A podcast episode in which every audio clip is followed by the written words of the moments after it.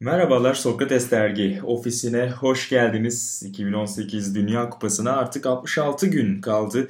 Rusya'nın ev sahipliğinde yapılacak artık yaklaşık 2 aya dayanan e, bir sürenin bizlere ayırdığı Dünya Kupası'na yaklaşırken biz de kupa hikayelerinde sevgili İlhan Özgen'le geri sayımızı sürdürüyoruz. Yine İlhan Özgen'le birlikte ben Buğra Balabanlı Podcast'te sizlerle birlikte olacağım ve sırada futbolun doğduğu yer Britanya ve İngiltere 1966 olacak. E, konuyu da belki öyle açmak lazım. Yani futbolun birçok e, coğrafyaya ulaşmasını sağlayan e, yer Britanya. E, adada doğan bir spor olarak birçokları tarafından tabii ki işte calciosuyla, farklı versiyonlarıyla birçok ülkenin kendi tarihlerine e, gönderme yaptığı kaynaklar var futbolun doğuşuyla alakalı ama asıl bugünkü kuralları biraz da tabii ki İngiltere'de aranıyor. Ve bu kadar geç belki kupanın e, İngiltere'ye verilmesi de belki yani açılış konusu olarak birkaç cümle etmek isteyeceğim bir şey olabilir sevgili İlhan Özgen. Ya bence yani bu organizasyonu yapanların değil de İngiltere'nin eşekliğinden kaynaklanan bir şey. Çünkü işte bugün adıyla Şampiyonlar Ligi önceki ismi Şampiyon Kulüpler Kupası ondan önce de Avrupa Kupası olarak geçen Kupa 1'e de mesela uzun süre İngiliz takımları katılmazlar. Çünkü kabul etmezler. Yani en iyi futbol İngiltere'de oynanıyor ve bunun ölçülmesi düşünülemez bile gibisinden. En büyük kupa FA kupasıdır. Diye. Evet evet yani hani Amerika'da bir ara vardı işte NBA hala var NBA şampiyonu, dünya şampiyonu olarak addedilirdi. O düşünce yani dünya kupasında da aynı şekilde. İlk 3 kupayı İngilizler çok da kabullenmiyor. Ondan sonra katıldıklarında bir Amerika tokadı yiyince de afallıyorlar işte. Yani İngiltere için 1950'de başladığını düşünürsen 2. Dünya Savaşı'nda Dünya Kupası'nın 66 çok da geç değil. Yani Zaten 50-54 düşünülmüş artık verilmiş oluyor. 58-62 66 bir şey. Hani kafa yapısını o dönemki anlatmak için. Tabii, tabii. Aslında o kültür hala bugüne varıyor bazı noktalarda. İngilizlerin ben... kendi ligi, kendi futbolu, kendi oyuncuları hakkındaki. Bence başarısız olma nedenlerinden biri bu. Yani o kadar aslında günümüze rağmen günümüzdeki bu herkesin birbirine benzeme durumu var ya ona rağmen o kadar kapalılar ki yani hakikaten Premier Lig'de olanlar ki bence Premier Lig hani hep konuşuruz. Elbette tempolu, izlemesi güzel bir ligdir ama futbolun matematiği ve doğruları olarak çok fazla hatanın da yapıldığı bir lig. Ama onlar insanların bu yarattığı ilgiye, insanların izleme oranına, takip edilme, izlenme, yayınlanma rakamlarına bakarak hakikaten liglerinde en doğrusu oynandığını düşünüyorlar. Ve bu doğruyu da aslında birçok yabancı oyuncuyla birlikte yapıyorlar ve, ve birlikte oynayan milli oyuncu yetişmiyor. Bu yıllardan beri böyledir. İşte hatta 70-80'li yıllarda bile en iyi İngiliz takımlarına baktığınızda kilit yerlerinde İskoç, İrlandalı oyuncular görürsünüz. Ee, biz işte Gordon Mill'le konuşurken o şey demişti. Yani işte gençlikleri, rezervlikleri, birçok altyapı ligleri kuruyorlar. Ama Belçika'dan gidip 14 milyon oyuncu getiriyorlar. Hani bu mu şimdi İngiliz futboluna hizmet etmek gibi. Birçok yaptığımız işte Rogan Taylor röportajlarında da hatırlarsın. Sen de İngilizlerle sık sık konuştun. O İskoç aksanlarına bazen maruz kaldın. Onlar da aslında İngiliz futbolunun yapısından, oynanışından çok memnun değildir ama bunu çok güzel paketlerler. İyi satarlar ve hakikaten yani hiç izlemiyorum ama baktığınız zaman gözünüzün takılabileceği şeyler yaratıyorlar. Muhteşem yayıncılar kamera açısını bile bir izleyene göre ayarlıyorlar ve muhteşem bir iş çıkarıyorlar. Ama milli takıma geldiğinde işte esas defo ortaya çıkıyor. O da dediğim gibi yani baş her şeyde şeyle başlıyor. İşte biz en iyisiyiz ve diğerlerine örnek almamız gerekmiyor. Yani görüyoruz işte abi Conte gidiyor hiçbir şey yapmadan sadece üçlü savunmayla şampiyon oluyor. Bu sene gene ne olduğunu gördük. Evet. Ağzından aldı bunu söyledi. Bir İtalyan geliyor üçlü savunma deniyor. Sanki yani, hiç yapılmamış evet. bir şeymiş 1920'ymiş gibi yıllar. Ve yani daha düşün, devre arasında neredeyse Ocak ayında ligi bitiriyor. Geçen seneki Chelsea. Tabii yani şöyle bir takım düşün. Şimdi konuşacağız. Alf Ramsey işte 4-3-1-2 gibi bir 4-3-3-4-4-2 oynatıyor. Karma. İşte Diamond, Baklava falan filan denen bugün. Ve bu büyük fark yaratıyor, büyük tartışma da yaratıyor. Sen nasıl İngiltere böyle Aynen oynamaz. böyle oynamaz. ya koca tarihte bir tek 3-5-2 gibi oynadıkları turnuva var 90. O da Bobby Robson'ın işte dahi evet. bir antrenör olmasından kaynaklı. Takımın buna, buna uygun olabileceği yönünde e, düşünceleri sonucunda ortaya çıkan bir şey. Yani hiç yeniliğe açık olmayan aslında hala kafalar eski. Ya Roy Hodgson'ın oynattığı futbolu hatırlıyoruz abi hepimiz. Yani 75'te bir milli maçı aç İngiltere'nin aynı futbolu oynadılar. Hatta şey çok güzel demişti. İsmini hatırlamıyorum da Türkiye-İsviçre eşleşmesinde İsviçre antrenörü vardı. Böyle beyaz ak saçlı abimiz. Ee, şu yaşlı abi. Ha, yaşlı. Kimdi ya? O şey demişti buradaki o olaylı maçtan sonra Türkiye 60'lı yıllardaki İngiltere gibi futbol oynuyor diye. Tamamen kaos üzerine. İşte topu ileriye bir an önce atıp baskıyla almak üzerine kurulu.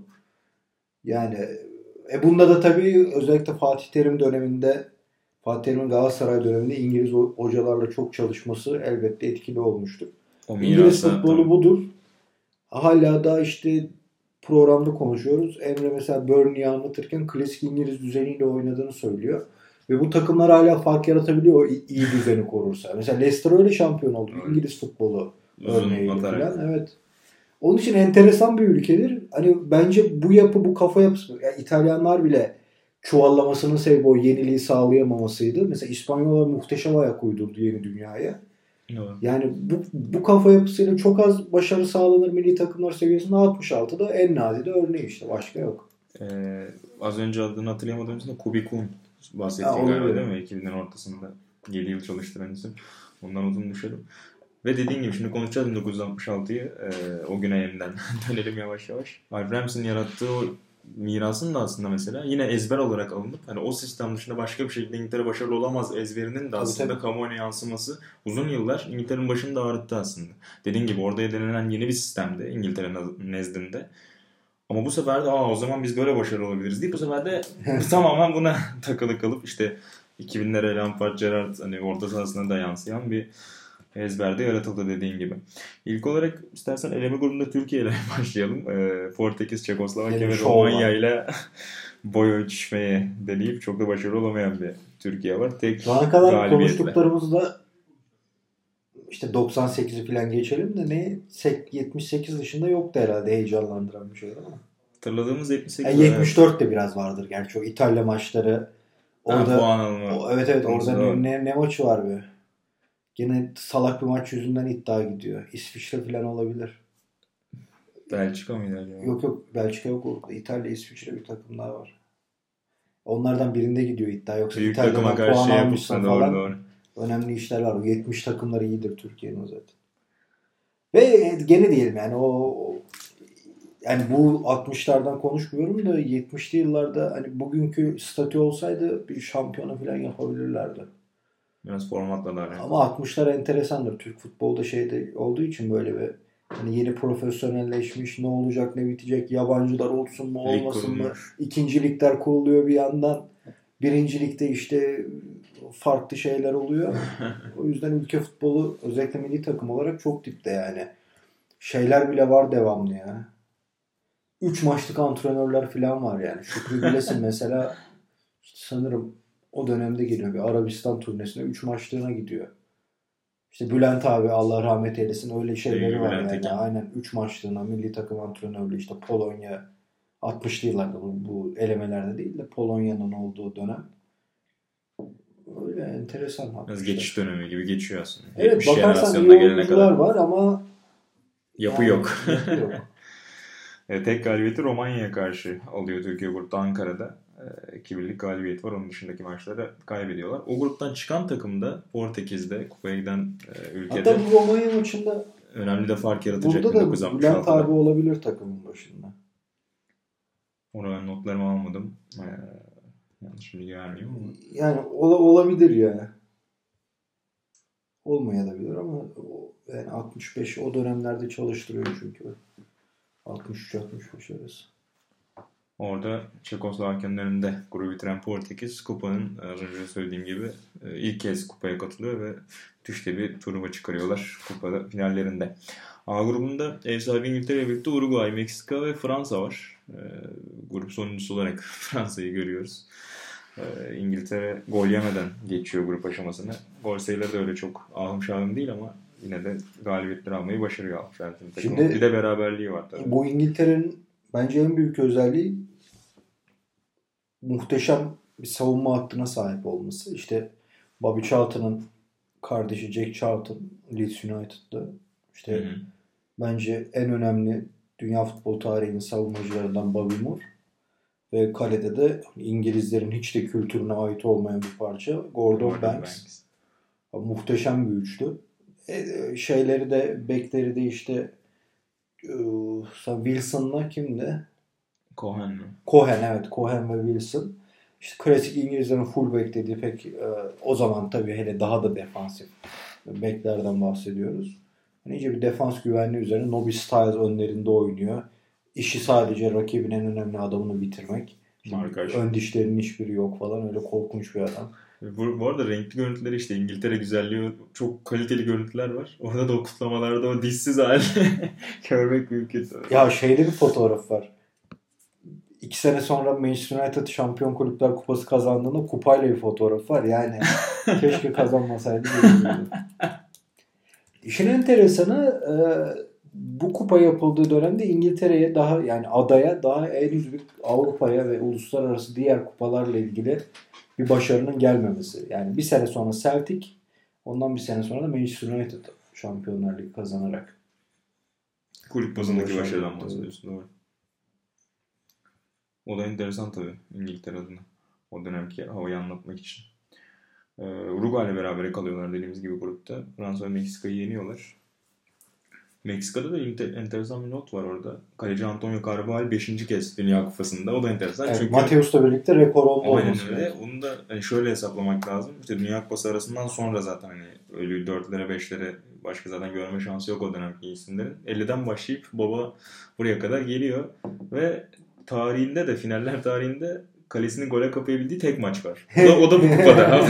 Son kupasında ortaya çıkıyor. O da çok enteresan bir şey. atmış. Aynen Uruguay'a karşı sonunda gol yemeden maç kapatmayı başarıyor 0-0 kaldıkları o maç içerisinde. Ee, bu grupta Fransa ile ilgili bir şeyler söylemek ister misin yoksa B grubuna doğru geçelim mi? Onu Ya Fransız futbolu bu dönemde boş bir şey yani hani Avrupa'nın çok da umursanmayan ülkelerinden Tarafından. biri. Evet. Daha sonra işte Robert Herbe'nin 70'li yıllarda yarattığı Saint Etienne ve daha sonra eee, Fransa milli takımının muhteşem jenerasyonuyla bugünlere gelmiş bir ülkeden bahsediyoruz. Yani hep şundan bahsedilir ya hep bu konuşulur. İşte bir kültürümüz yok. Türkiye yapılanamıyor, edemiyor. Hani baktığında işte Stefan Kovacs'ın da etkileriyle işte Clairefontaine'i kurup üzerine iyi bir jenerasyon ve Michel Hidalgo gibi iyi antrenörlerle çalışıp ya da Robert Herbin gibi hani neredeyse 50 senede yeniden yapılamış ve dünyanın zirvesine çıkmış bir futbol ülkesi Fransa. Ki o Herbin de galiba kadroda var. Vardır evet. O zaman Saint Etienne oyuncusu. Aynen öyle. Ee, bir enteresan isim de kadrodaki Can Jorkaev. Oğlu Yuri Ha, evet, bizim jenerasyonumuzda gördük. Ee, 2000'lere ulaşan bir kariyeri vardı Jorkaev'in. Ee, babası Can da 66 kadrosundaydı. Fransa'nın o gruptan çıkamayan kadrodaydı. Onun notunu da aktarmış olalım. B grubunda biraz çetin bir grup diyebiliriz herhalde Batı Almanya. Gerçi Arjantin o dönem biraz da sertlikle tamamen kasaplıkla yola devam etmeye çalışan bir ülke. E, Bir de İspanya var o grupta. Arjantin'in o sert oyunu çok konuşuluyor kupada. Yani birçok farklı not, hatıra şeylere bakıldığında Arjantin'in genelde oynamaktan ziyade biraz daha bozan tarafta olmayı tercih ettiği konuşuluyor. Batı Almanya ile birlikte gruptan çıkan ikinci ülke oluyor Arjantin'de B grubunda. Ya Arjantin futbolu 60'lı yıllarda zaten tamamen sertlik üzerine kuruldu. İşte eee, Carlos Bilardo'nun da üyesi olduğu hangi tak Argentinos Juniors mıydı onlar? Yani Arjantin futbolunun sertliği bence hala sü- süren hala oyun dışı işlerde hani hep Avrupalılara şey derler ya oyunun e, pislik Pisliğine. tarafını iyi oynuyor Almanlara, İtalyanlara. Bence Arjantinler o konuda yani eline su dökülemez. Orada da öyle işte Ratti'nin meşhur olayı var. Şeyde e, söyle şunun adını İngiltere maçında. Ya onun dışında da daha henüz böyle şey ülkesi değil. E, futbol ülkesi değil Arjantin. Yani Maradona hep şey der ya Arjantin futbolunu e, dünyaya tanıtan adam Mario Kempes'tir. 78'de her şey e, bugünlere geldi diye. Hakikaten öyledir yani. Elbette önemlidir Güney Amerika futbolu için ama o zamanlarda daha dünya seviyesinde olmayan bir ülke. Sertlikleri de hakikaten dediğin gibi meşhur. Brezilya ve Uruguay'da dönem tabii. Güney Amerika futbolu deyince ilk akla gelen ikili oluyor. Brezilya'nın zaten kupaları kupaları aynı noktada da onların ardından da Arjantin'den önce Uruguay seviyor aslında bakarsan. Tabii. Şeyi hatır, hatırlayamadım. Aa Estudiantes. Carlos? Bilardo'nun. Evet evet. Hı. Estudiantes e, Zubeldia, Osvaldo Zubeldia antrenörleri ve şey hani onun yarattığı takımın Manchester United'da oynadığı bir süper şey Interkontinental Kupa maçı var. İlk e, hani bu negatif futbol dediğimiz var ya anti futbol. Savunma olarak. Evet evet yani ilk bu maçlardan sonra basında ortaya çıkan bir terim oluyor. Yani o kadar eee, sert, o kadar yıldırıcı bir sistem ki bu takımda Veron'un babası da olması lazım hatta. Yani onun için Arjantin'de 1960'lardaki ekolü bu zaten. De şaşırtıcı değil yani. Burada iyi de puan topluyorlar. B grubunda İspanya ve İsviçre'yi geçip bir de Batı Almanya ile karşı e, kalelerini gole kapamayı başarıyorlar o sert oyunun da etkisiyle. İşte- 0-0'lık. Aynı şekilde 69'da gene Estudiantes Milan Süper Kupa maçı. Yani kombinin burnunun kırıldığı, sağda kanlar için işte bir dönüşü var İtalyanların şey ülkeye. Savaştan dönmüş gibi sarılı var. Gazi Yani. gibi hepsi. Tabii canım yani. Hani hep konuştuk ya Gentile çok sertti yahu diyenler açsınlar 60'lardaki şeyi izlesinler takımları. Veya o Arjantin'e. Yani Ratine geldiniz. Ratinin yaptığını şimdi yapsam beni Ratini- edilirsin futbolda. O, o acayip zaten. Oyun tarzın tamamen öyle. Yani Tabii, tabii. tüm 10 numara oyunu. bir de değil mi? 10 numara olması lazım. Ben de öyle hatırlıyorum. Boca Juniors'ın. Kana bulayan isim Çinlileri bir anlamda. Tabii canım ya 60'lı yıllarda öyle bir şey var ya geçiş dönemi yani hem Türkiye için dedik de dünya için böyle aslında. İşte biz 62'de konuşacağız Şili İtalya maçını. 66'da bunlar oluyor. Artık 70'lerde biraz daha normale dönmeye başlayıp 80'lerde Hatta tamamen yavaş yavaş geliyor işin içine. hani hep konuşuyoruz ya 80 90 80 sonu 90 başı işte bence olması gereken seviyedir futbolda. Hem teknik vardır hem biraz biraz değil işte %50 kondisyon, %50 teknik tam e, güzel karışım odur. Oraya oraya kadar uzanan bir süreçten bahsediyoruz. Bu da daha sürecin başı bile değil neredeyse. Tabii, 60. antik dönem biraz daha. Yavaş yavaş o yıllar. Ee, C grubu da geldiğimizde yine beklenen gruplardan biri. İşte Portekiz, heyecan verici bir Portekiz var. İlk kez kupa deneyimi yaşayan. Macarlar var. 50'leri iyi geçmiş. Hmm. e, final görmüş. E, Macaristan takımının artık son demleri var. Bir de tabii Brezilya var. Son iki kupayı kazanarak Evet. gelen bir Brezilya var. Yani pek de beklenen gibi olmuyor aslında. Çünkü Pele sakatlanıyor. Aynen öyle. Grubun ikinci maçında Macaristan'a karşı. E, Pele oynayamıyor sakatlığından ötürü. Sonrasında da hem Macaristan'ı 3-1 kaybediyor Brezilya. Grubun son maçında da Portekiz'e karşı yine aynı skorla oynayıp Macaristan'ın da Florian Albert e, yıldızı Ballon d'Or kazanan son Macar oyuncu olarak görüyoruz. En yetiştirdikleri son büyük oyuncu artık.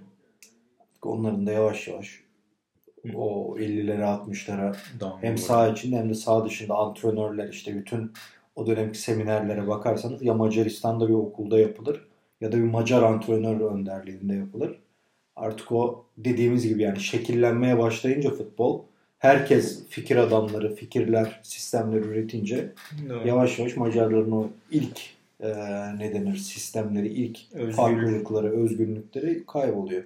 Çünkü WM'yi falan farklı yorumlar onlar. İşte WM dediğimiz şey biraz 3-2-5 gibi bir sistemden Hı hı. Bahsediyoruz. Onlar işte e, san, orta sahadaki birine defansa çeker, üçlü yaparlar, işte dörtlü yaparlar. Orta saha iki kişi kalır, tek kişi kalır özür dilerim. İlerideki beşlinin iç oynayan, forvet içi oynayan elemanlarından birini de geriye çekerler. Bundan Nandor Hidekuti'dir. Doğru. Dünyanın ilk box to box oyuncusu olduğu filan söylenir böyle. Daha sonra Can Bartu'nun da Fiorentina'da antrenörü olan Nandor Hidekuti ve yıllar evvel yani 58'de ve 62'de 4-2-4 artık dünyanın kabul gördüğü bir sistemken aslında 54 Macaristan'ın da zaman zaman o sistemle sahada olduğu söylenir. Hani o Macaristan'la ilgili en fazla izlediğimiz kayıt 30 dakikalık kayıtlar. Yani maçın hepsine bakamıyoruz ya da öyle bir kamera açısı yok. Ee, hangi sistemde oynadıkları. Bir tek boss şeyin yerini anlayabiliyorsun. Orta saha anlıyorsun. Ama bunlar söylenir hep. Ee, onun için yani Macar futbolu işte Gustav Sebeş'ten tut da Bela Gutman'a kadar önemli fikir adamları yetişmiş. Hatta Türkiye'ye de gelen Molnarlara kadar önemli futbol adamları yetiştirmiş bir kültür yavaş yavaş sahneden çekiliyor. Ki o Macar yükselişinin başlangıcında yine Britanyalı'nın etkisi var. Geçen sene de az çok E, üzerine tabii. konuştuğumuz Jimmy Hogan'ın birçok yani Avrupa'da Avusturya gibi farklı ülkelerde de çalışıp oralara da etkisini işte yanı yanılmıyorsam Almanya'da da bir etkisi vardır. Jonathan Wilson'ın kitabının ilk bölümlerinde sık sık bahsedilen bir isim. Inverting the Pyramid'de. Ee, onun özellikle yaktığı ateş biraz daha o taktiksel e, başlangıçlar Macarları o dönemde birkaç adım öne atıyor. Ya zaten hani İngiltere futbolun beşi İngilizler futbol bulduğunun bence en içi doldurulacak e, kaynağı bu senin söylediğin şey. Yani tamam e, Calcio diye bir şey var. Yazmış abilerimiz kaynağımız bu, temelimiz bu filan sporun atasını. Bizde tepik vardır anlatılır tarih derslerinde filan ama İngilizler oyunu modernleşmek için çok fazla yani misyoner kullanmışlar artık. Dünyanın her yerinde onların sistemlerini yerleştirmeye çalışan insanlar görüyoruz. İşte İtalya'ya baktığında bile ilk gerçek menajer bir İngilizdir yani. Ve onun için yani İngilizler o konuda biraz haklılar. Futbol hakikaten onların şeyi. spor. Ama işte o küstahlık biraz onların Tabii da tabii canını yani o yakıyor. onların sporu da o geliştiremiyorlar. Sorun orada. İşte güzel kamera yerleştirerek falan izletiyor. paketleyerek diyorsun. Ee, dediğimiz gibi o Macar efsanesinde yavaş yavaş son bulacak bu oluyor. Da burada son bir yumruğu atıyorlar Brezilya'nın üzerinde grubu tamamlayarak. Ama tabii grubun en büyük hikayesi şüphesiz Portekiz. 3 galibiyet, 9 gol 2, e, 7, 9'a 2'lik gol averajıyla grubu kapatıyor ve tabii ki bir yıldız doğuyor orada. E, dünya futbolu için, dünya farklı köşeleri için. Evet, azından dünyanın ilk Eusebio. azman forveti. İlk yırtıcı canavar forveti Eusebio. E şimdi şey de yani hani Portekiz evet sahneye ilk kez çıkıyor ama aslında Portekiz futbolu Benfica ile yavaş yavaş Kulüp bazında. evet yani Real Madrid'den sonra e, oralara çıkan ilk takım oluyorlar. Daha sonra işte alt- 66'ya kadar 66 gene Real oluyor sanırım Partizan'ı yenip. İşte 65'te 65'te 63 arası Inter Milan gidip geliyor. Hani o, o dönemi artık İspanyolların bittiğini düşünürsek Portekizler ve İtalyanlar e, almış durumda. Yani ikisinden birinin patlaması beklenir zaten normal olarak. Bu bak, bakıyorsun kadroya işte Coluna çok efsane bir orta saha oyuncusu olarak anlatılır. Benfica'lı işte Antonio Simos öyle Almeida, Ferreira, Fernando Cruz, işte Torres bunlar hep Benfica oyuncuları. Hı hı. Onun için yani zaten Eusebio'yu saymıyoruz. Onun için normal bir yükseliş bu. Doğru. Tek isim de o dememek lazım. Dediğim gibi 3-4 tane hakikaten özel oyuncu var. Tabii tabii. Sumeus gibi. Bu arada az önce Ya o dediğim gibi yani Colina çok çok böyle büyük efsane olarak e, kabul görür. Yani artı bu- bunun yanında yani e, o takımın oralara yükselmiş olması artık bir güven de veriyor ve Portekiz'in yani başardığı şey çok da sürpriz olmuyor. Artı abi öyle bir forvetin olduğu zaman her zaman hala bir oyun değiştirici. Yani. İnanılmaz. İzledin ya işte yani. Çok güçlü, çok hızlı. Bambaşka. Hele ki o dönemki kondisyon olarak yani birçok kişiye daha zaten göbeğini tutarak işte o yıllarda Yani- Eusebio'nun İşte Cici Riva'nın insan mı makine mi diye tartışıldığı dönemde Riva hani 1.80 güçlüydü boyunda evet biraz kaslı suratlı böyle kovboy filmlerinden fırlama bir atletik bir adam. Yani bu Riva'nın ilk katı Mozambik seri bacaklar o fuleler acayip. İşte Afrika kökleri var. O genleri almış. Acayip bir atletizm. Muhteşem bir güç. Hani o çok farklı. Çok yani modern forvet kavramı Eusebio ile başlamış desek herhalde çok da yanılmayız. Ki sonra da Portekiz için çok da gelişmedi zaten. O kavram. Tabii, bir tabii, daha forvet de bulamadılar. yok, evet. Hep 2000'lerin başında işte Figo'nun yavaş yavaş genç Ronaldo'nun çıkmaya başladığı dönemde hep önde eksiklerdi. Önce Nuno Gomez idare etmeye Pauleta çalıştı. Sonra. Pauleta vardı. Pintolardan biri oynardı falan. Enteresan bir yapı da onlarda. Bu arada az önce B grubunda şeyi söylemeyi unuttuk. Yani elenenlerden bir İspanya'da Avrupa şampiyonu olarak geliyor. Evet sık sık hayal kırıklığı yaşamayı e, alışkanlık haline getiren bir ülke dedik İspanya son evet. 2000'lere kadar ama burada yine bir umutlanıp geldikleri yerde de duvara çarpıyorlar. E, C grubunda elenen Brezilya için de tabii e, Pelin'in sakatlığı dediğin gibi orada önemli e, noktalardan biri. Bir tabii futbol açısından, futbol tarihinin önemli noktada Garinça'nın son kupası olması. o da biraz belki Garinça'dan bahsetmek istersin. Çok çok özel bir o dönem için isim olduğu konuşulur. Yani 70 Dünya Kupası olmasa Pele'nin adı herhalde Garinça'nın yanına bile yaklaşamazdı. Çünkü 58'de Pele çok genç bir oyuncu. 17 galiba. Tabii. 62 sakat olduğu için çok oynayamıyor ve Garinça o kupayı alıyor. Sırtlıyor. Onun için yani bütün bunları düşündüğümüzde Garinça'nın hatta birçokları buna Zico da dahildir. Sokrates de dahildir. Garinça'nın daha büyük oyuncu olduğunu söyler. Orada da şey devreye giriyor işte. Yani Garinça'yı bugün izlediğinizde şunu söyleyebiliyorsunuz. Ya bu futbol değil ki. Yani topu alıyor bir oraya çekiyor bir oraya çekiyor. Yetmiyor bir daha çekiyor falan. tamam yetenek olabilir de Pelin'in kattığı şeyler çok farklı dün de konu. Yani 70 Dünya Kupası'nda konuştuğumuz üzere. Tabii verim anlamında bakınca tabii ikisi biraz yani, farklı boyutta. Evet Garinça 58'e başroldeydi. 62'de yani hani Maradona tek başına yaptık diyoruz da 62'de Garinça akıl almaz işler yapıyor. Muhteşem oynuyor filan. Tamam eyvallah da yani o dediğim gibi bu çok emeklenme dönemi. Ben hani naçizane 70 Dünya Kupası'ndan başlatıyorum. Kendi Dünya Kupası tarihimi. Orada çünkü o maçları şöyle yapalım şey işte filtrelemeyi bugün izlediğinizde sıkılmadığınız maçlar düşünün. Yani Aa, bu ne demediğiniz. Bunlar 70 Dünya Kupası'nda başlıyor. Ki orada bile yani. Adam adam. Onun için yani 62-58 elbette özel oyunculardır. Büyük kahramanlardır ama hani Pelé'nin kattığı şeyler çok farklı ya. O sporcu kavramına, oyuncu görünümüne, oyunun oynanışını filan. Çünkü Garinça yani önemlidir. Ama dediğimiz gibi hep söylediğimiz gibi döneme göre izlemek lazım. Aynen öyle. D grubunda ise ee... onun şeyleri meşhurdur işte. Hani İsveç'te çocuğu olduğu söylenir. Şarkıcı. Her kupada bir şeyler bıraktığı evet, yani o yönleri felakettir. Hatta hep söylerler işte Dünya Kupası'nı kazanmış Brezilya'ya dönüyor ve tekrar yırtık ayakkabısıyla sokaklarda geziyor filan. O hikayeler enteresan tabii bugün baktığınızda. Daha acayip derinlikte böyle insan hikayeleri var. O, o açıdan muhteşem bir cevher yani. Garinça ile ilgili 50 film, 50 kitap okuyabilirsiniz keyifle. Ama karşılaştırdığınızda yani bugün birçok insan Aa, bu ya, şimdi olsa oynayamaz klişesini kullanabilir ona karşı. Ona ilgili belki birkaç şey e, notlara düşeriz postun altına. Oradan eğer merak edenler Ganiçer ile ilgili bir şeylere de ulaşabilirler. Ee, Burada esas Calma Santos'un son kupası. O büyük bek oyuncusu. Sen Carlos'un önüne koyarsın. 54, 58, 62. E tabi yani önüne koymanın değil yani bunlar çok yol açıcı adamlar. ve de bunun sakatlığı var. Bir eli çolak mı?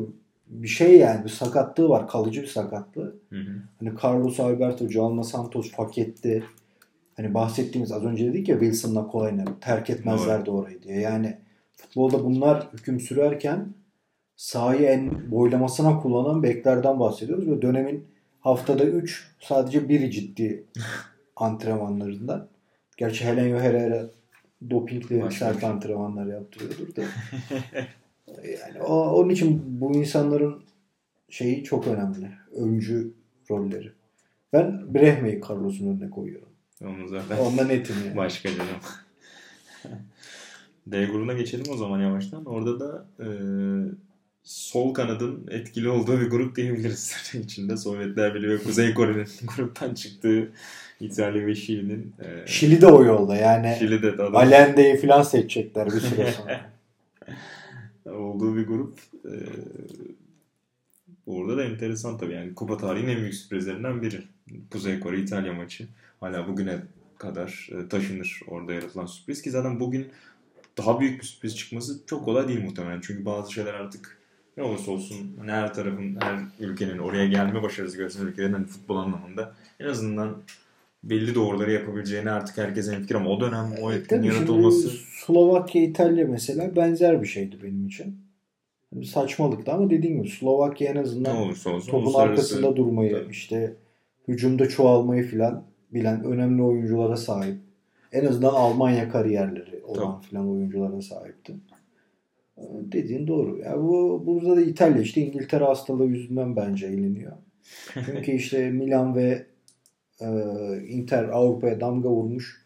Catenaccio diye bir şey çıkarmışsın ve bu Catenaccio da yani e, dünyada süre gelen o 4-2-4 ve WM gibi sistemleri allak bullak etmiş. Ha- hacamat etmiş bir şey. Bu güvenle gidiyorsun oraya.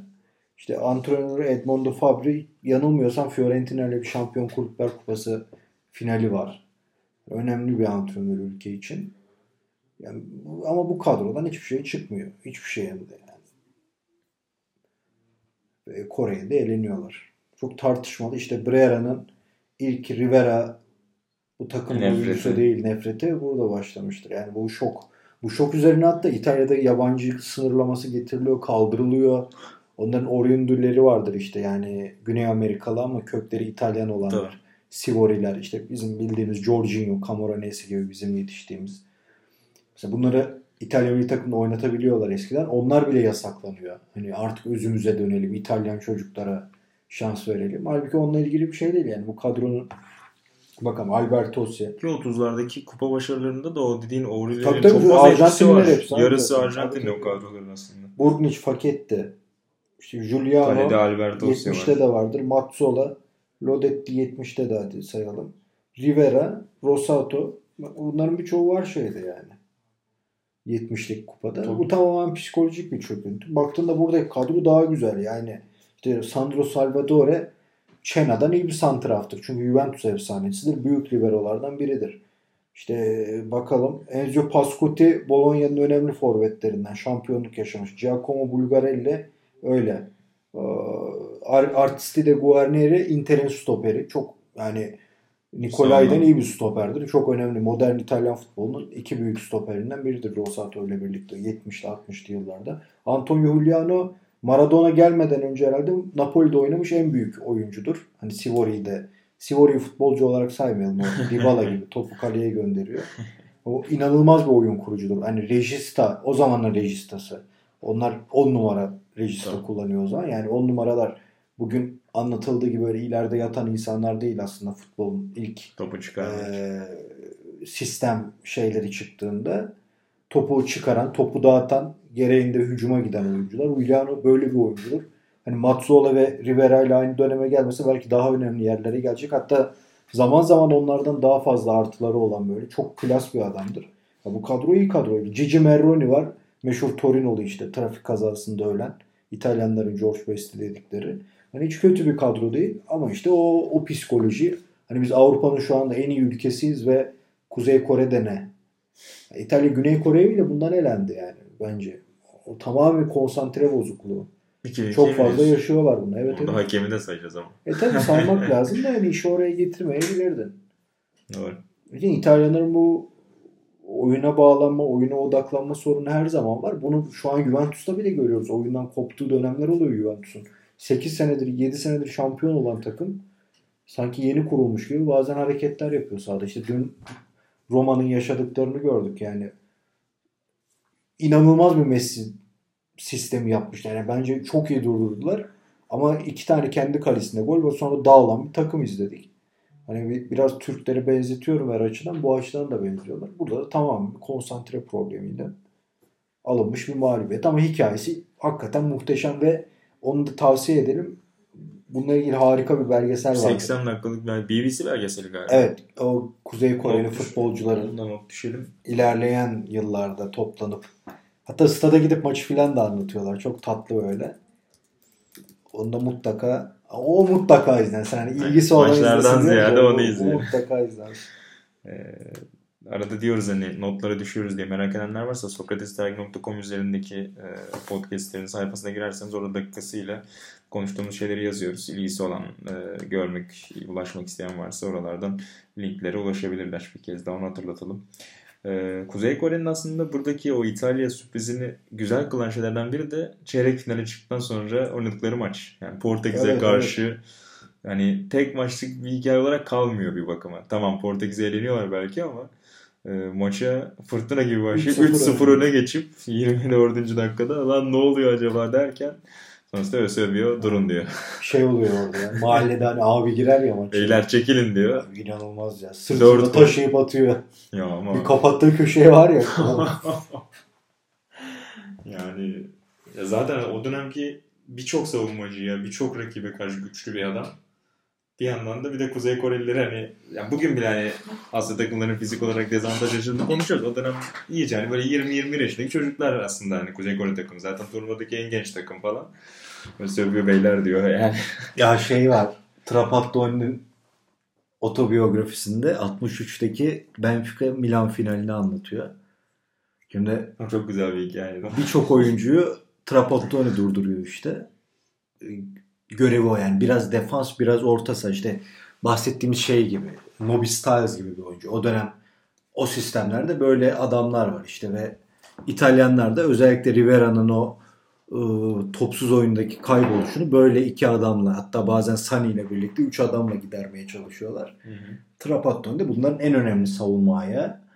İşte maça çıkacakken e, Nereo Rocco Eusebio'yu tutacağını söylüyor. O an diyor Cesare'ye baktım. Bunu başarabilirsin diyordu ama eminim içinden gülüyordu. yani sahaya çıktığımızda onun imkansız olduğunu gördük zaten diyor. E gene de fena durdurmuyor ama yani zapt etmesi çok zor bir fizik abi. Hani şöyle düşünelim.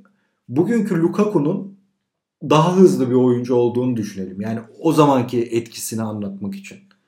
Çok büyük ve çok seri. Yani bahsettiğimiz Guarnieri İtalyanların stoperi 1.81 boyunda mesela ve zayıf bir adam. Yani genelde o kadar iri futbolcular yok o dönemde ama Eusebio neredeyse bu döneme ait bir fizik yapısıyla oynuyor.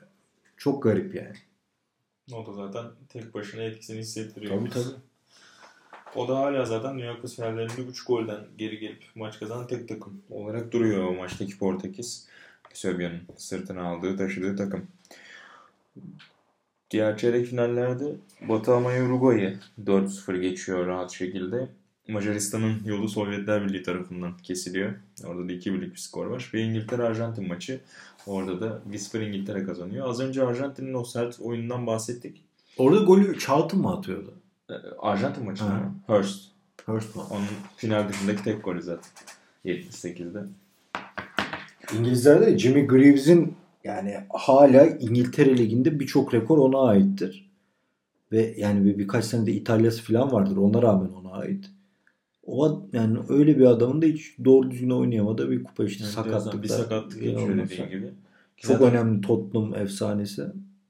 Jeff Hurst onu söyler. Yani Greaves sakatlı olmasa ben zaten oynamayacaktım der. Tabii, tabii. hatırladığı anda.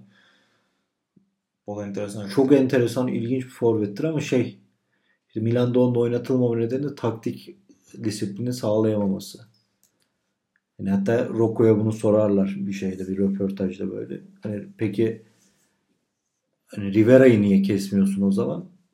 Ya o dokunulmaz, o kesilmez. Tanrı. Öbür- Öbürünü gönderebilirim yani onda sorun yok.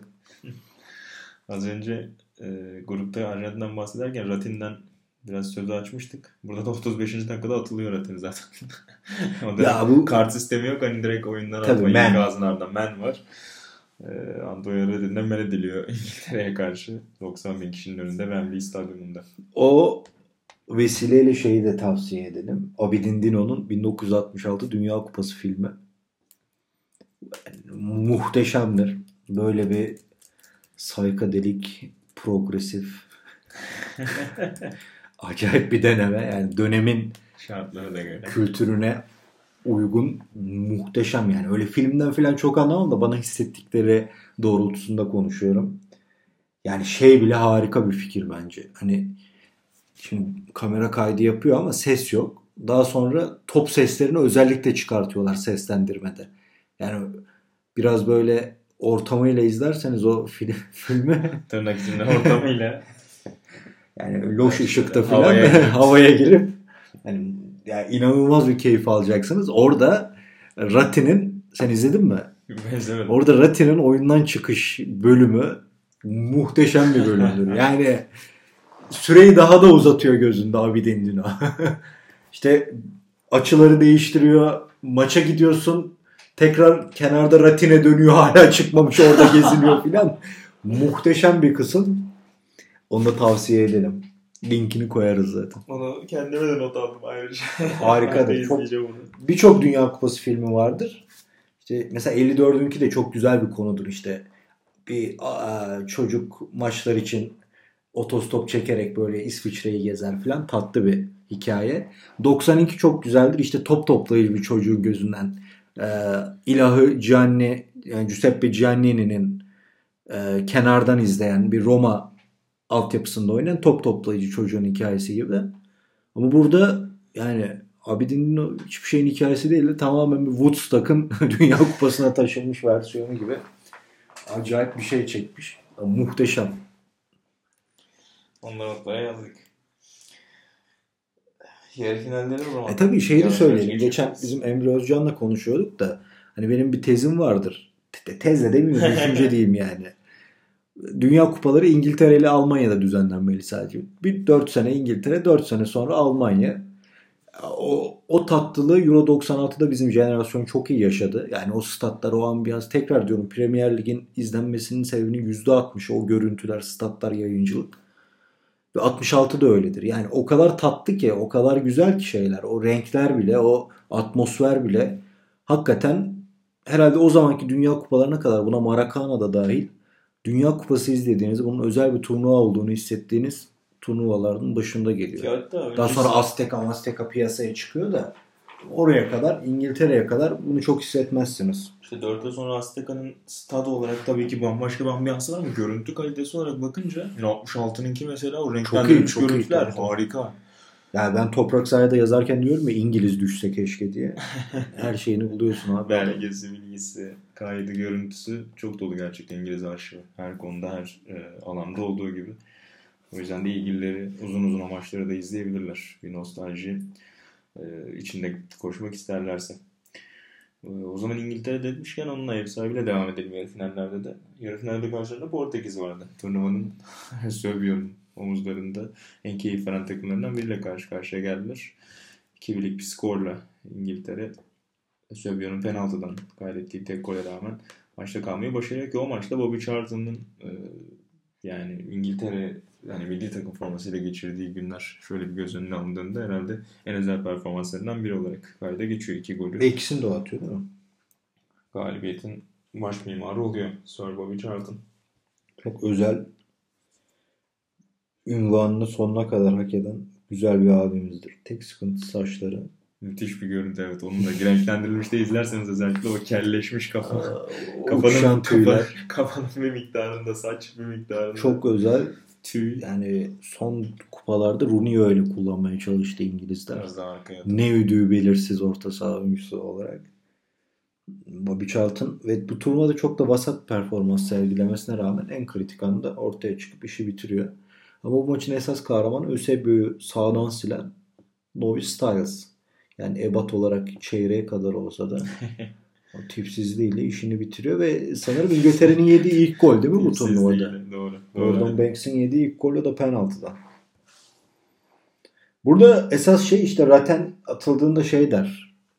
Yani e, oradaki hakemler İngiltere'ye kupayı kazandırmak için gitmişti gibi bir şey söyler. Yani bunu Arjantin çirkefliğine yorabilirsiniz. Ama buradaki maçta mesela bu maç yanlış bilmiyorsam ya Liverpool'da ya da Middlesbrough'da oynanacak normal takvimde.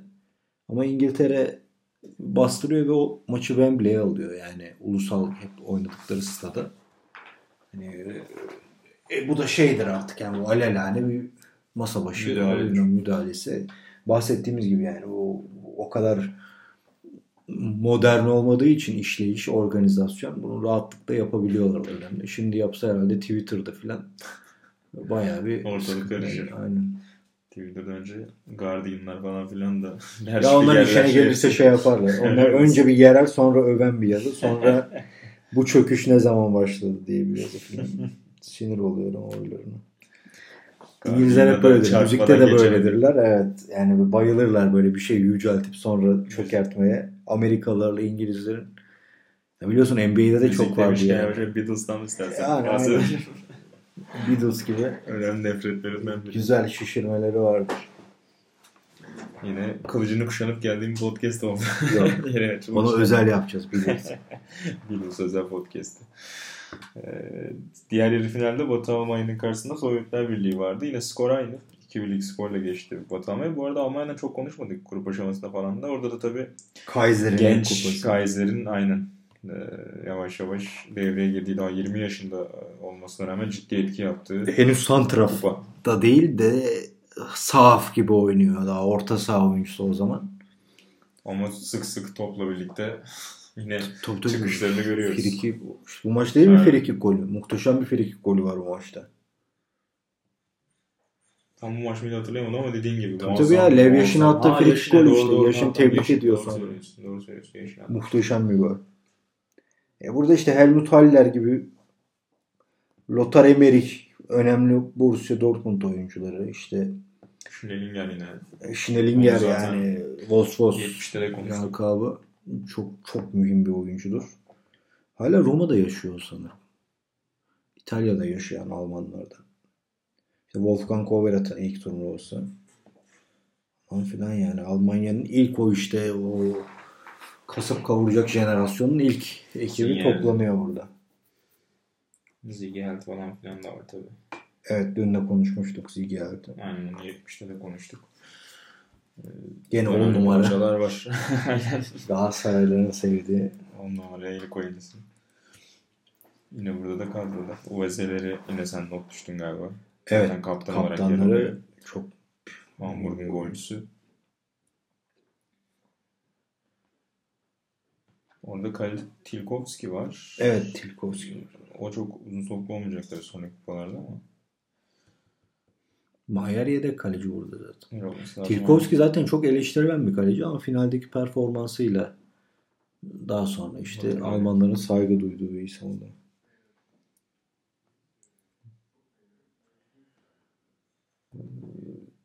Bu maçla ilgili dediğim gibi o yaşından bahsettik. Beckenbauer'ın golünden bahsettik serbest vuruşundan. Ve yavaş yavaş da üçüncü maçıyla bu finale doğru gideceğiz. Bu arada şeyi konuşmadık asıl başta. Genelde öyle girerdik. Maçlardan önce kupaya gidişteki hikayelerle girerdik. Kupa çalınma hikayesi var tabii. Asıl Aa, çok uzun yıllar tabii. Ve şey var, Willy var. Dünya Kupaları tarihin ilk maskotu. Aynen o ikisini de İngilizler bak az önce bahsettiğim Pierre önce- işini burada da Ha, muhteşem işte bak. yapıyorlar. Yani Bülent abi Allah rahmet eylesin. Bu kupaya gitmişti ve anlatırdı. Her yerde aslancık kafaları vardı diye. Yani düşün Bugün 60 normalleşen 66 şey yılında zaman. aynen. Bu muhteşem bir vizyon. Yani bu yönlerini çok takdir etmek lazım. Bir aslan yani kraliyet ailesinin logosu olan, amblemi olan Üç ülkenin de aynen o sıfatla anıldığı e, hayvancı sevimli bir hale getirip bir forma giydirip satmak ve Dünya Kupası gibi bir organizasyonu etkileyip bunun devamlılığını sağlamak büyük Miras iş. bırakmak. Tabii miras aynen kesinlikle. Pickles da bu miraslardan biri yani çok Biraz enteresan. yani kupa çalınıyor. Bilmeyenler için aynen. Ve kupa da bayağı müzeden çalınıyor yani. Evet, Fotoğrafları var onun. Boş böyle polis duruyor. Westminster'da öyle bir hani halka gösteriliyor tabii. falan. Orada bir sergide çalınıyor. Mart ayında ki işte kupaya kaç? 3-4 ay kala falan. Hı, yani tabii, çok yakın bir süre aslında. Bir hafta kupa yok ortada. Ama sonra Pickles adlı köpek ortaya çıkıyor. Bir gazete Çalılarda. kağıdına sarılmış halde. Çok da sevimli bir köpektir. Daha sonra ne kuş kovalarken beni öyle bir ölüyor. Vallahi öyle bir şey var. Aynen ya. gibi. Usta ne yaptın? Ne yapacaksın kuşu ya? Kedi misin sen? Vallahi öyle bir şey var. Öyle hatırlıyorum. Öyle komik bir şekilde ölüyor. Çok da sevimli bir köpek. Allah rahmet eylesin. Allah rahmet eylesin. O da herhalde e, en özel hani Tabii tabii. futbol ve Doğru top dışı hikayelerden biri diyebiliriz. Müthiş olay. Özel objelerden biri. Peki orada bir şey PR çalışması var ya çalım Ya, arasında gazete kağıdı falan Çok biraz doğru diyorsun. Ben İngiliz işi İngiliz ve yani. Amerikalıların her şeyinden şüphelenirim. her şey olabilir. Bir numara obje oluyor orada. Aynen, Çalan adam çalıya bırakacak falan. Bilmiyorum yani. Ya bir de çalmışsa İngiliz'in açı çalmıştır. Onlar en tehlikeli. Tabii. Yer bile kupayı onlar. Bu adamlar punkçı. Aynen daha sonra punkçı olan adamların babasıdır bunlar. Anasıdır. Her şeyi yaparlar. Tabii bu Rime kupası son kez çalınmıyor. 70'de biraz bahsettik sonra 83'te temel çalıp eritilip hani değerli de bir kupa yani anladın mı? Çalan adam için. Canım, kaç şeydi. Hele Brezilya'da biri çaldı mı onu uçar ya. Ama Pickles orada sahneye çıkıyor. Kupandalarını kurtarıyor bir haftalık kayıp sürecinin ardından. Onu da araya yedirmiş olalım. Üçüncülük maçında Portekiz Sovyetler Birliği karşı karşıya. Portekiz orada e, üçüncülüğü alıyor. Eusebio'nun o birkaç haftasında yakışan bir e, şekilde diyelim belki de. Orada yine penaltıdan bir golü var. Baba bol bol penaltıda kazanıyor tabii. Onu durduramadıkları için bir süre sonra. E, 88'de Torres'in attığı gol Portekiz'e. İkinci gol de ondan geliyor ve 2-1'le madalyaya gidiyorlar. Ve final maç çok konuşulan e, İngiltere Batı almaya finaline doğru gelelim. Ki bu iki ülkenin birçok özel, önemli maçı vardı. İşte yakın tarihte de e, bolca var. Hatta işte en son 2010'da galiba değil mi? Lampard'ın 35'ten vurduğu direkten çok rahat geçip hakemlerin vermediği gol falan filan. Hep hikayeler sahne olmuştur. Ee, burada da bolca tartışmayı birbirine e, beraberinde getiriyor. Herhalde savaş sonrası ilk büyük maçları odur. Hiç bakmadım ama büyük ihtimalle öyle. Ben hiç hatırlamıyorum arada bir şeyi. O açıdan da ayrı bir masalı var. E, yani aslında çok da zevkli bir final gidiyor 2-2 iken. Normal süreyi diyelim. Doğru. Normal sürede son dakikalarda o Batı Almanya baskısı golü getiriyor zaten. Tabii tabii. 90'da. Orada e, maçın kahramanı işte uzatmadaki ilk golü atıp hat tamamlayan Jeff Hurston e, en büyük payı hep Alf Ramsey'e verdiği açıklamalar var. Biraz onu dinledim hazırlanırken.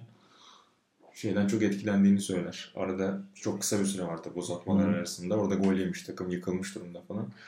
E, oturanları falan hemen ayağa kalkmaya teşvik edip hani onlara yorgun olduğumuzu göstermeyelim e, diyen e, bir Ramsey var orada herkesi ayağa kaldıran. Sonra da şey demiş çok ikonik bir söz olarak hala hatırlarım diyor Jay First. Almanları bir kez yendiniz. Yani çünkü gol çok son saniyelerde geliyor yani uzatmada.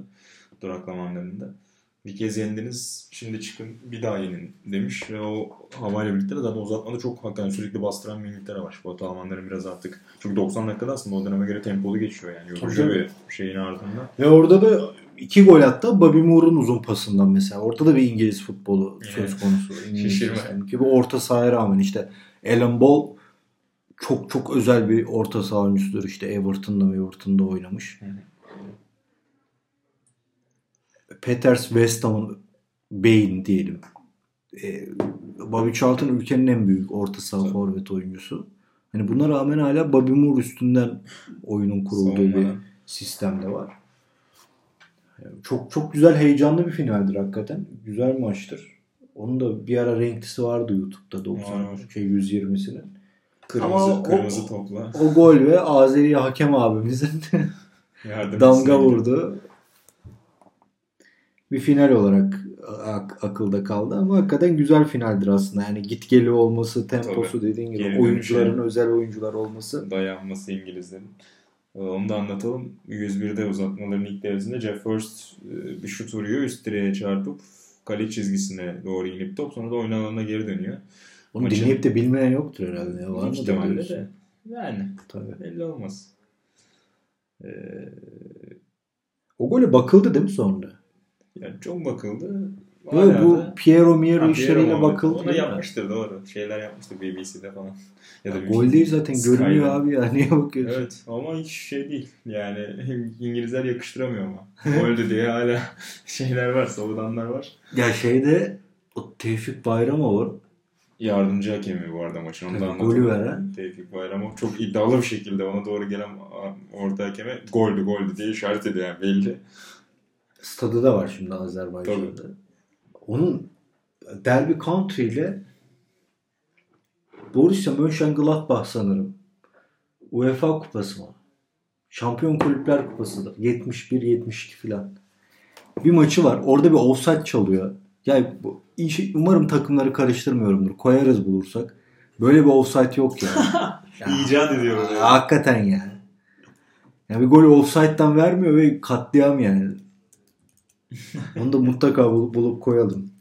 Onu, enteresan bir adam yani. Bu kararları devam ettirmiş usta. Gözleriyle önüne çıkan bir isim değil diyorsun hakem olarak. Zaten tam böyle yani dikkati dağınık amca tipi var. Yani kahvede gazete okurken uyuyacak adam tipi var böyle. Ya acayip heyecanlı zaten ya işte maçın e, oradayken Gottfried Biens ona doğru sormaya geliyor. Bu iştahlı şekilde gol gol diyor. Daha oradayken yanından ayrılıp adam bu koşmaya başlıyor falan muhabbeti bırakıp. Çok komik. Mesela bu da yakın döneme kadar vardı ve hani bence olmaması gereken bir durumdu. Onun giderilmesi de futbol adına çok önemli. İşte üç hakemin de ayrı ülkeden olması. Yani dönemin şartlarını düşünürsen şimdi İsviçreli, Çekoslovak ve Sovyet Evet. nece konuşabilirler? Yani düşünsene nasıl anlaşabilirler? Tabii canım. Elbette tam dil bilirsin de yani birinden biri bilmezse her şey kopar. Ya da bir uyum olur. Hani Evet, tabii ki. Aynen öyle. çalışması. O dönem biraz daha farklı. Ve Hurst de işte e, finalde hat-trick yapan ilk ve tek oyuncu hala değil mi? Öyle olması lazım. Başka kupanın yok. genelde tek golü var işte az önce söylediğim. Yoksa öyle Ama hala büyük efsanedir işte Tabii. Dünya Kupası. tabii. Onda kırık dişleri vardır. Şimdi yaptırmış böyle klas. Biraz şimdi klas aynen aynen. Acayip Oo, fit de, çok abi. Çok zarif. Şakacı falan da var abi. Tabii, Şeyi tabii. soruyorlar. Ee, Tele- bir ara yorumculuk da yapıyordu o ya şeyde. olabilir. Televizyonda. Olabilir. Onu görmedim de. Şeyi falan soruyorlar. İşte final günü hayatınızın en güzel günü diyebilir miyiz falan. Abi böyle bakıyor. Bu videoyu eşim izlemeyecek olsa öyle derdim ama tabii ki düğünüm daha önemli bir gündü falan diye. Baba Latife'yi de katıyor oraya tabii. Şakayı katıyor. Bu arada finalin bir önceki gün de İngiltere takımı antrenörlerle, staffla bütün takım sinemaya gitmişler. Onu anlatıyor Hurst. Those Magnificent Men in the Flying Machine adlı bir filmi babalar topluca sinemada izlemişler. Şimdi olduğunu üstleniz ediyor. En az 20 bodyguard da gezmeniz lazım öyle durumda. Bizde hiç ne soran vardı, ne bir tane kamera vardı, ne bir fotoğraf var, makinesi vardı. Gittik diyor, takımca izledik. Film arasında gittik, dondurmamızı aldık, yedik. Ondan sonra da döndük diyor otelimize paşa gibi. Öyle hazırlığı da öyle yapmışlar. Yani maçı öyle maç filmi falan filan böyle öyle bir şey değil ya. yani. Normal böyle Böyle olmalı. abi. komedi filmi Öyle. izleyip dondurmaları yiyip hazırlanmış kupaya. O maç öncesi şeylerin en güzeli Archie Gemil miydi? İskoç'un mu? Billy Bremner ya da 74'te şeye çıkıyorlar. Kayık sefasına. Kayboluyor. Kayboluyor. İnanılmaz şey.